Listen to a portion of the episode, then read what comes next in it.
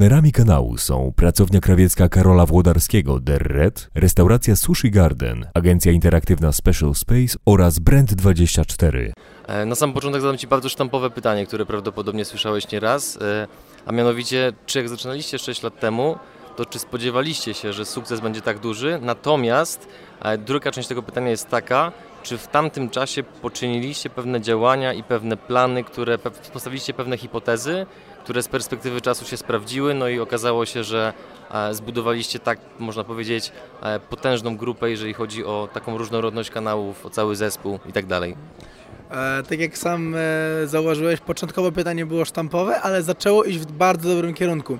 Ponieważ ja nigdy nie powiem, że my spodziewaliśmy się tego, jak dużo to będzie, bo byłbym bardzo zuchwały i bezczelny. Ale to nie jest tak, że my zaczęliśmy robić filmy, ponieważ jakby zawsze, my zawsze interesowaliśmy się e, jakby YouTube'em i tak naprawdę filmami, które są tam na, nagrywane, ale u nas to był plan. My wiedzieliśmy, jak dużo to jest w Stanach i że na tym można zarabiać i wierzyliśmy, że my będziemy w tym dobrzy, tak poczuliśmy i faktycznie to widocznie, no, no jakby okazało się, że w tym mieliśmy rację, ale my od początku zakładaliśmy, że to ma się udać i ja na przykład studiowałem wtedy PR i marketing medialny na UW. Robert pracował w marketingu pewnej, pewnej jakby restauracji i my na przykład wiedzieliśmy się, że dla mnie jako dla przyszłego być może PR-owca kiepskie będzie to, jeżeli będę miał filmy na YouTubie, gdzie będę przebrany za kobietę. I ja przed wrzuceniem pierwszego czy tam drugiego filmu byłem już tego świadomy, więc to też nie jest tak, że to nas tak w pełni zaskoczyło. Okej, to w takim razie, jeżeli mieliście powiedzmy z grubszy przygotowany plan, że spodziewaliście się tego, że rezultaty mogą być takie, a nie inne, to w takim razie biorąc pod uwagę to, z jakim można powiedzieć rozmachem i, i, i pomyślunkiem działać od samego początku, dlaczego nie poszliście od razu w treści angielskie? Po pierwsze, my zakładaliśmy, że się uda, ale nie założyliśmy niczego, co zrobimy, jak się uda. Jakby po prostu założenie było takie, ok, my możemy być w tym dobrzy, ale w sumie nie było żadnych next stepów. Nas wszystko zaskakiwało. Za- Założenie, nawet e, jakby e, zatrudnienie pierwszego pracownika było dla nas takie, ok, no w sumie ok, można to zrobić. I mimo, że faktycznie myśląc o firmie, jakby o filmach, jako o wielkim przedsięwzięciu, musieliśmy założyć, że kiedyś musimy kogoś zatrudnić, ale to już było dla nas sporym szokiem i sporym wyzwaniem. A jeżeli chodzi o treści angielskie, to cały czas jesteśmy duzi cały czas tego nie robimy.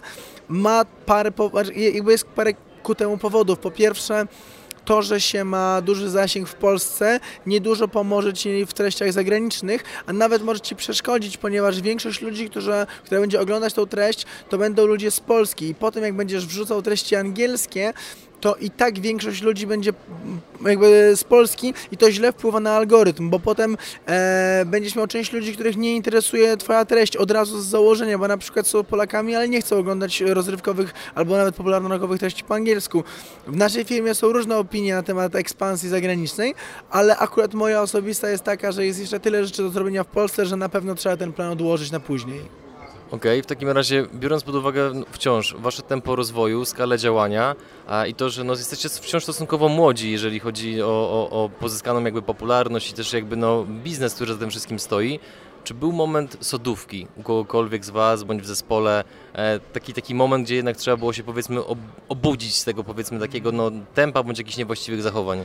Myślę, że fajne jest u nas to, że my w trójkę gdzieś tam jednak się hamujemy, jeżeli chodzi o takie właśnie sodówki, ale myślę, że był taki moment mniej więcej w czasie, kiedy założyliśmy klub w Warszawie, kiedy założyliśmy restaurację, to się stało prawie w tym samym roku, no, tam różnica była nawet nieduża, no to wtedy faktycznie cieszę się, że wyszliśmy z tych wszystkich biznesów cało, cało finansowo i cało też tak powiedzmy, jeżeli chodzi o to, że nam nie odbiło ani nic, no bo trzeba przyznać, że no może ci jakby trochę się coś poprzestawiać, jak już masz ten kanał, masz klub w Warszawie, masz restaurację, to parę miesięcy było takich naprawdę szalonych, ale wyszliśmy z tego myślę, że obronną ręką. Gdzie w takim razie jest wasz, powiedzmy, limit? Do jakich poziomów dążycie? No bo praktycznie w, w bardzo krótkich odstępach czasu otwieracie co róż nowe kanały. E, czy, czy macie, powiedzmy, jakąś taką, taki górny limit, do którego dążycie, czy może jakby, no, co jest, co jest powiedzmy takim celem na perspektywie 5-10 lat, bo zakładam, że biorąc pod uwagę wasz rozmiar, no to na pewno takie e, predykcje staracie się już robić. Zasadniczo zamierzamy po prostu, powiem tak, na tak zmiennym rynku jak YouTube, my wbrew pozorom nie staramy się robić aż tak dalekich predykcji, czy to jest 5 czy 10 lat, ale na pewno chcemy być najmocniejszym producentem wideo w sieci, robiący bardzo różne rzeczy i treści dłuższe, treści krótsze, treści popularno-naukowe, treści rozrywkowe. I to na pewno jest nasz, e, nasz cel, ale dokładniej to e, okaże się w następnym odcinku. To jeszcze może z innej strony, Krzysztof Gonciarz dzisiaj podczas panelu dyskusyjnego e, a propos influencer marketingu powiedział, że e, być może jest tak, że to wszystko, co się w tej chwili dzieje, e, być może kiedyś jest, użył dokładnie tego słowa, być, być może teraz jest taki powiedzmy złoty okres, więc czy wy w jakiś sposób się zabezpieczacie? Powiedzmy jakimiś innymi biznesami, jakimiś innymi aktywami, czy w co inwestujecie, gdyby powiedzmy to w cudzysłowie Eldorado YouTube'owe się skończyło? My wręcz przeciwnie, mieliśmy już dużo side biznesów właśnie w postaci klubu i restauracji i teraz raczej wracamy do YouTube'a. E, Jeżeli chodzi o to, że coś może minąć, może minąć e, trend na influencer marketing, ale ja uważam, że YouTube to jest coś znacznie więcej niż moda na powiedzmy sławnych twórców, tylko to jest trwała zmiana w mediach. Jakby YouTube'a w tym momencie używa ma prawie 2 miliardy ludzi. Więc e, nie wiem, co musiałoby jebnąć, żeby to się skończyło. Mm, No, fatalist, może też piorun strzelić nasze biuro i wszyscy umrzemy. Dobra, to ostatnie pytanie na koniec. E, przypuśćmy, że jestem właścicielem biznesu, który już ma jakąś ugruntowaną pozycję, jestem, na, zaliczam się do sektora wciąż MŚP. E, słyszałem właśnie o YouTube, że jest powiedzmy drugą e, największą wyszukiwarką na świecie. Chciałbym w jakiś sposób go wykorzystać.